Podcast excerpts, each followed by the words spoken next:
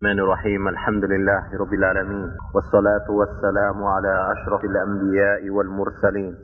نبينا محمد وعلى آله وأصحابه ومن تبعهم بإحسان إلى يوم الدين. أما بعد أيها الإخوة الحمد لله kita memuji dan bersyukur sebanyak-banyaknya kepada Allah Subhanahu wa taala karena kita bisa memulai kajian kita lagi. Dan ini merupakan satu nikmat yang harus kita syukuri. Adapun kitab kajian kita bagaimana kesepakatan kita adalah kitab yang ditulis oleh Imam Ibnu Rajab rahimahullahu taala sebagai penyempurna dari Al-Arba'un An-Nawawiyah. Jadi Al-Imam An-Nawawi rahimahullah taala menulis sebuah kitab yang berjumlah 42 kemudian disempurnakan oleh Imam Ibnu Rajab menjadi 50 ditambah 8 hadis. Yaitu dalam syarah beliau yang sangat bagus sekali Jami'ul Ulumi wal Hikam. Ya. Baik. Dan ini adalah awal hadis dari tambahan al-Imam Ibnu Rajab Al-Hambali rahimahullahu taala. Hadis yang beliau pilih adalah hadis Ibnu Abbas tentang faraid, ilmu faraid atau tentang ilmu warisan. Qala rahimahullah al-haditsu tsalitsu wal arbaun.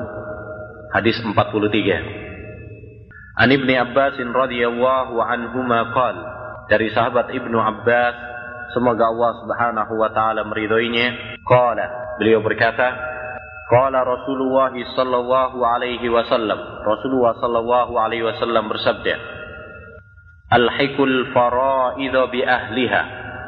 Ya, berikanlah atau bagikanlah al-faraid. Al-faraid secara bahasa diambil dari kata faridah, yakni muqaddar, sesuatu yang telah ditetapkan. Diambil dari firman Allah Subhanahu wa taala dalam surat An-Nisa nasiban mafruḍa, suatu bagian yang telah ditentukan. Adapun secara istilah al-faraid adalah al-ilmu fi kismatil mawaris fikhan wa hisaban. Itu ilmu faraid, yaitu ilmu yang membahas tentang pembagian warisan, ilmu tentang pembagian warisan. Fikhan dari fikihnya wa hisaban dan hitungannya. Dari segi fikih dan dari segi hitungannya. Karena ilmu faraid mencakup dua hal. Membahas tentang fikih. Ya. Dan yang kedua adalah membahas tentang hitungan. Ya, oleh karena itu seorang yang mau mempelajari faraid, dia harus mempelajari juga tentang ilmu berhitung, matematika. Dan ini tidak semua orang. Al-Imam Suyuti rahimahullah ta'ala dalam kitabnya Asnul Muhadarah beliau mengatakan saya katanya apabila mempelajari ilmu faraid atau belajar ilmu faraid seakan-akan saya membawa gunung. Seakan-akan saya membawa gunung. Artinya apa? Beliau tidak dimudahkan untuk memahami ilmu berhitung. Baik alhiqul faraidah bi ahliha. Paham ini ya? Jadi faraid ilmu faraid adalah ilmu pembagian tentang warisan. Jadi kalau ada seorang meninggal dunia, dia memiliki harta. Harta ini dibagikan kepada ahli warisnya. Bagaimana cara membaginya? Islam telah mengaturnya.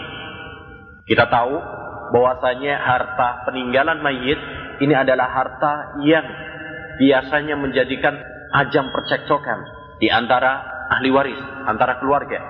Bahkan betapa banyak keluarga yang ya, saling mendiamkan, bahkan mungkin saling membunuh untuk mendapatkan warisan. Oleh karena itu Allah Subhanahu wa taala dengan rahmatnya dan dengan keadilannya Allah Subhanahu wa taala mengurusi sendiri tentang masalah ahli waris dalam Al-Qur'annya. Ya, tidak diserahkan kepada Nabi Muhammad SAW. Allah Subhanahu wa taala langsung turun sendiri menjelaskan tentang pembagian warisan ini agar tidak terjadi apa? percekcokan. Oleh karena itu antum lihat dalam masalah faraid sedikit sekali perselisihan di kalangan para ulama. Berbeda dalam masalah-masalah fikih lainnya. Hal yang menunjukkan bahwa masalah harta adalah masalah yang sangat uh, rawan gitu ya. Oleh karena itu Allah Subhanahu wa taala mengurusinya sendiri. Baik. Selanjutnya kata jadi faham ini ya ilmu faraid, ilmu pembagian tentang apa? Warisan. Jadi harta peninggalan mayit ini Bagaimana cara membagikannya kepada keluarganya? Ahli warisnya. Orang tua dapat berapa, anak dapat berapa, istri, suami dapat berapa. Ini diatur oleh Islam. Al-hikul faraid. Ya, bagikan peninggalan harta peninggalan tadi kepada ahliha. Ashabul furud. Maksudnya adalah ashabul furud, ahliha, ahli waris. Dan perlu diketahui bahwasanya orang yang berhak mendapatkan warisan itu terbagi menjadi dua. Ada yang ashabul furud, ya, orang yang mendapatkan warisan yang telah ditentukan pembagiannya. Dan itu yang dimaksud dalam hadis al-hikul faraid bi ahliha. Siapa mereka? Para ulama mengatakan bahwasanya yang dimaksud dengan ashabul furud itu ada sepuluh. Yang pertama adalah suami. Suami. Nanti pembagiannya itu antum lihat sendiri ya dalam dalam surat An-Nisa kadang dapat setengah, kadang dapat seperempat ya. Dapat setengah kalau tidak ada ada anak, seperempat kalau ada anak. Itu nanti cari sendiri. Cuma yang penting bagi kita di sini saya ingin menjelaskan siapa yang dimaksud dengan ashabul furud. Yang pertama adalah suami. Yang kedua adalah istri. Istri baik istrinya satu maupun istrinya dua atau tiga atau empat, pokoknya istri. Yang ketiga adalah ibu, al-um. Yang keempat adalah bapak. Kelima, kakek. Keenam, nenek. Ya. Yang ketujuh adalah putri, jadi anak perempuan. Kelima, kedelapan Banatul Ibn. Banatul Ibn adalah cucu dari anak laki-laki. Cucu dari anak laki-laki. Jadi kalau misalkan uh, ada orang, misalkan saya memiliki seorang anak laki-laki, kemudian dia punya anak, ya ini namanya apa? Cucu.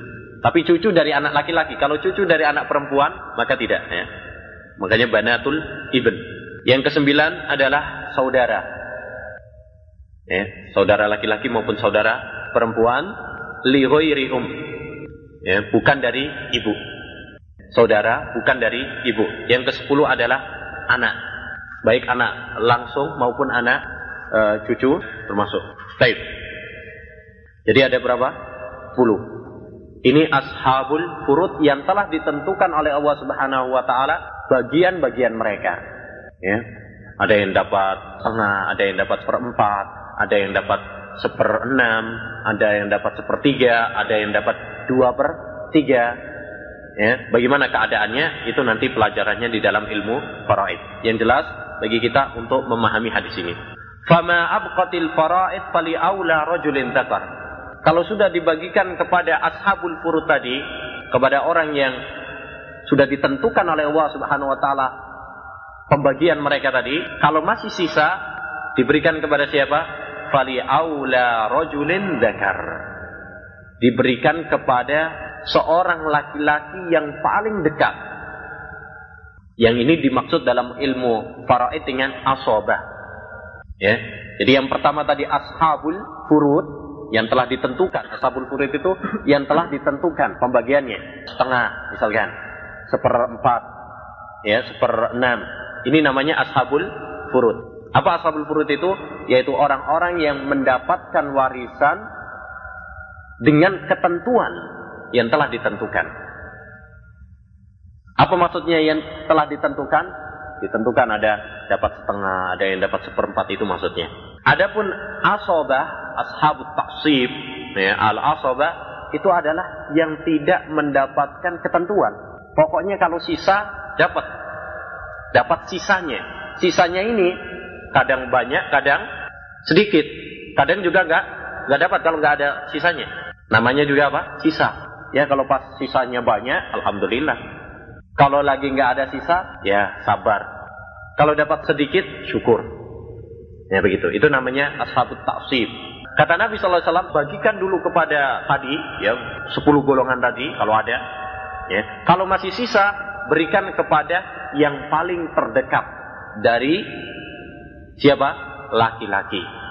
Baik. Ashabut taksib disebutkan oleh para ulama ada berapa?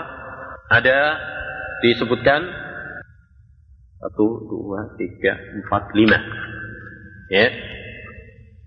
Terkumpul di dalam sebuah bait bunuwatun, ubuwatun, ukhuwatun, umumatun, wadul wula at-tatimmah. Ini urutan asobah. Urutan asobah itu lima dan ini secara urut. Bunuwah, anak. Kemudian ubuwah, bapak. Ukhuwah, saudara. Kemudian yang keempat umumah, paman.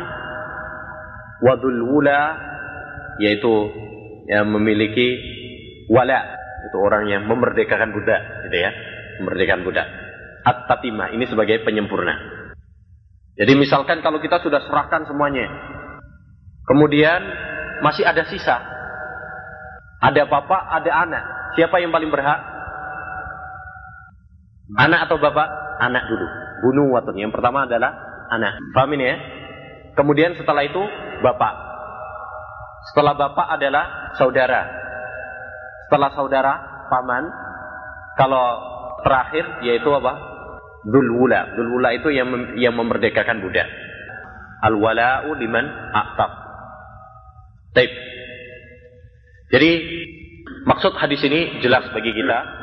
Nabi Shallallahu Alaihi Wasallam memerintahkan kepada kita dalam masalah pembagian waris untuk dibagikan kepada siapa tadi? Ashabul furud. Ya, ashabul furud. Kalau sudah kita bagikan kepada ashabul furud, yang mereka tadi ada berapa tadi? sepuluh. Kalau sudah kita bagikan, hartanya masih sisa, maka hartanya ini siapa yang paling berhak? Yang paling berhak adalah ashab taksib. Siapa ashabut taksib? Lima orang. Ya. Yang paling berhak adalah anak terlebih dahulu, kemudian bapak, saudara, ya. kemudian paman, kemudian orang yang memerdekakan. Kalau dia adalah budak. Ya. Jadi paham maksud hadis ini ya. Al-hikul faraid. Bagikan ya tawaris tersebut kepada ahliha yang berhak untuk menerima warisan yaitu ashabul furud tadi kalau masih sisa berikan kepada yang paling terdekat ya yang paling terdekat misalkan kalau tadi ada bapak anak nggak punya bapak sama paman berarti siapa yang didahulukan bapak dan seterusnya. Itu maksudnya fali aula yang paling terdekat. Baik. Kharrajahul Bukhari wa Muslim. Hadis ini diriwayatkan oleh Imam Bukhari dan Imam Muslim. Ayyul ikhwah rahimani wa rahimakumullah sebagaimana penjelasan singkat tadi dapat kita ketahui bahwasanya hadis ini berbicara tentang ilmu faraid, tentang ilmu warisan. Dan ilmu faraid adalah ilmu yang penting. Ya, seperti tadi saya sebutkan, menunjukkan tentang pentingnya adalah Allah Subhanahu wa taala sendiri yang telah menjelaskannya di dalam Al-Qur'an. Dan perlu diketahui bahwasanya masalah faraid memang cukup rumit, ya. Perlu belajar tadi ilmu hisab, ilmu hitung, menghitung matematika dan lain. Tetapi sebenarnya sebagaimana kata yang sudah mencoba itu mudah. Kenapa? Karena sudah semuanya sudah diterangkan dalam Al-Quran dan hadis. Dan koidahnya tidak terlalu banyak. Ya, jadi kalau sholat kan panjang. Kalau faraid nggak terlalu panjang sebenarnya. Ya, koidahnya cuma kita menghafal tiga ayat sama hadis ini. Beres. Allah SWT menjelaskan dalam Al-Qur'annya dalam tiga ayat masalah faraid. Cuma tiga ayat. Ya. Yang pertama dalam ayat surat An-Nisa, yusikumullahu fi auladikum lidzakari mislu hadzil unsayain. Ayat yang kedua, walakum nisfu ma taraka azwajukum illam yakun lahunna walad dan seterusnya. Ayat yang ketiga dalam akhir surat An-Nisa juga yastaftunaka anil kalala. Qulillahu yuftikum fil kalala dan seterusnya. Tiga ayat ini yang membahas tentang masalah faraid ditambah lagi dengan hadis ini sudah. Ini semuanya adalah kaidah tentang masalah ilmu warisan, tentang ilmu faraid. Baik. Kesimpulannya, faraid adalah ilmu yang membahas tentang pembagian harta waris. Ya, ilmu yang membahas tentang harta waris. Dan hukumnya, hukum mempelajari ilmu faraid adalah fardu kifayah. Kalau memang sudah ada orang yang mempelajarinya, maka gugur bagi yang lainnya. Kesimpulan yang kedua, bahwasanya ashabul faraid itu terbagi menjadi dua. Ada ashabul furud, yaitu mereka-mereka yang mendapatkan harta warisan dengan ketentuan. Ya, setengah, seperempat, dan seterusnya. Dan mereka adalah berjumlah puluh. Yang kedua adalah ashab taksib, yang mereka mendapatkan harta warisan tanpa ukuran tertentu, tanpa ukuran tertentu. Yang dimaksud dengan asobah. Ya, kalau sisanya banyak ya dapat banyak, kalau sisanya dikit ya dapat dikit, kalau enggak sisa ya enggak enggak dapat. Itu namanya taksib, asobah. Dan urutannya tadi sudah kita tahu mereka ada lima. Baik. Kemudian sebagai penyempurnaan pembahasan ini juga perlu saya sampaikan bahwasanya warisan ya seorang tidak mendapatkan warisan kecuali apabila terpenuhi beberapa sebabnya dan darinya beberapa penghalangnya. Sebab mendapatkan warisan ada tiga. Sebab seorang itu mendapatkan warisan ada tiga. Yang pertama adalah nasab. Hubungan nasab.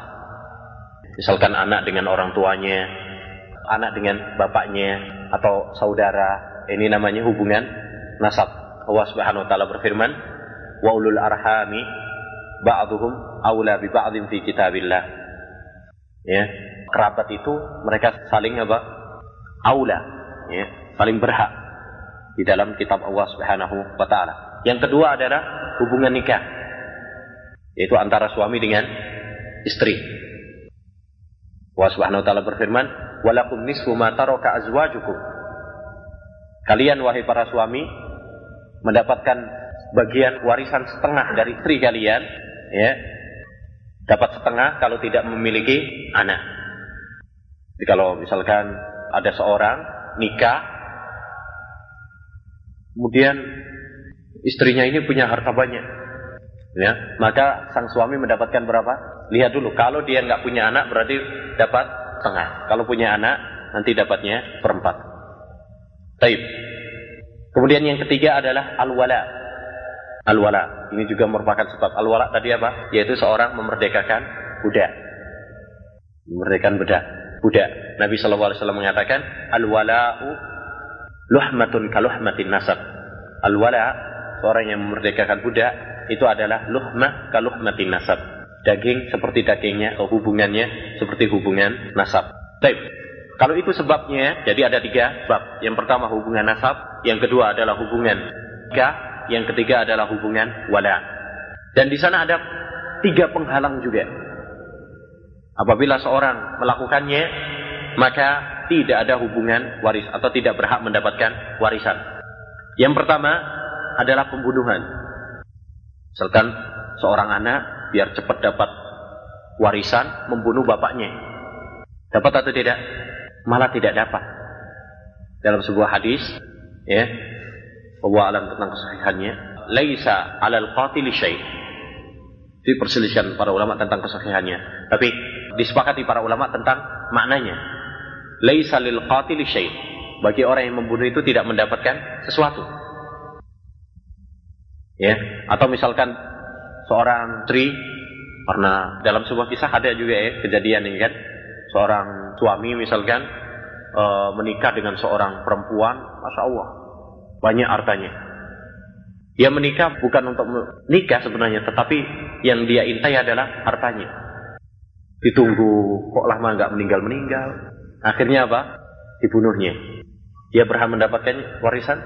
Enggak. Ya, dalam sebuah kaidah fikih dan ini sering dijadikan contoh oleh para ulama, man istajala syai'an qabla awani ukiba bihirmani. Barang siapa yang tergesa-gesa sebelum waktunya, maka dia diberi ganjaran tidak mendapatkannya. Dia ini yang tergesa-gesa sebelum datang waktunya. Maka apa? Dihukum malah nggak dapat. Tapi yang kedua, termasuk sebab juga adalah perbedaan agama. Ya, misalkan kalau bapaknya adalah non muslim. Non muslim, bapaknya punya harta banyak, anaknya muslim. Bapaknya non muslim. Mendapatkan harta warisan? Tidak. Nabi Shallallahu alaihi wasallam ya mengharamkan hal itu sebagaimana dalam hadis Usama bin Zaid. Baik. Kemudian yang ketiga adalah rik Eh, dalam hadis hadis Usama berbunyi apa? La yarisul muslim al kafir walal kafir al muslim. Seorang muslim itu tidak mewarisi orang kafir dan orang kafir tidak mewarisi orang muslim. Contoh mudah tadi, kalau bapaknya non muslim, anaknya muslim, tidak bisa mewarisi. Atau bapaknya muslim, anaknya kafir, ya, tidak bisa saling mewarisi. Baik. Kemudian yang ketiga adalah apa? Budak. Kalau budak ini tidak mendapatkan warisan. Tidak mendapatkan warisan dan dia juga tidak diwarisi. Karena hartanya adalah untuk tuannya. Karena hartanya adalah untuk tuannya. Baik, ini beberapa pembahasan tentang faraid ya sedikit ya kalau ingin panjang nanti bisa membaca atau mempelajari kitab-kitab faraid. Tinggal satu yaitu makna hadis fali aula rojulin dakar fali aula rojulin dakar bagi yang terdekat rojulin dakar ahli bahasa mengatakan bahwasanya yang namanya rojul itu mesti apa? Dakar kalau dakar belum tentu rojul itu perbedaannya rojul sama dakar tahu nggak rojul itu adalah apa laki-laki yang sudah dewasa zakar itu juga sama juga. Maka zakar itu mesti rojul. Kalau rojul belum tentu apa? Zakar. Jadi oleh karena itu zakar wal unsa itu walaupun kecil dia disebut apa? Zakar, tapi tidak disebut rojul. Bahkan ada anak kecil, dia disebut apa? Zakar. Tapi apakah disebut rojul? Tidak. Jadi rojul itu kalau sudah apa? Balik. Kalau sudah besar. Baik, di sini Nabi mengatakan pali aula rojulin dekat bagi laki-laki yang terdekat. Kenapa kok diulang rojul zakar? Kenapa enggak pali aula zakar? Karena zakar sudah mencakup rojul. Ya, para ulama mengatakan di sini ada yang mengatakan untuk menguatkan rojul. Ada yang mengatakan tidak, di situ ada perbedaan. Rojul, jadi seorang laki-laki itu mendapatkan warisan karena dia adalah orang yang kuat, rujulah pemimpin. Oleh karena itu Allah Subhanahu wa taala menjadikan seorang laki-laki sebagai apa? Pemimpin. Ya, sebagai pemimpin. Ar-rijalu qawwamuna 'alan nisa. Taib. Zakar untuk menunjukkan bahwasanya ahli waris itu uh, laki-laki uh, itu mendapatkan warisan bukan karena kekuatannya tetapi karena laki-lakinya. Oleh karena itu seorang yang masih kecil walaupun belum gede, belum besar, dia tetap mendapatkan apa? warisan eh, tetap mendapatkan warisan. Jadi bukan karena kekuatannya tetapi karena laki-lakinya. Baik. Sudah kita lanjutkan. Selesai ya pembahasan tentang faraid. Ringkas beberapa pembahasan tentang faraid. Juga ada tambahan mungkin yang perlu diketahui juga bahwasanya hadis-hadis yang menganjurkan tentang faraid semuanya adalah doif. Ya. Hadis-hadis yang menganjurkan tentang kita mempelajari faraid adalah doif, lemah.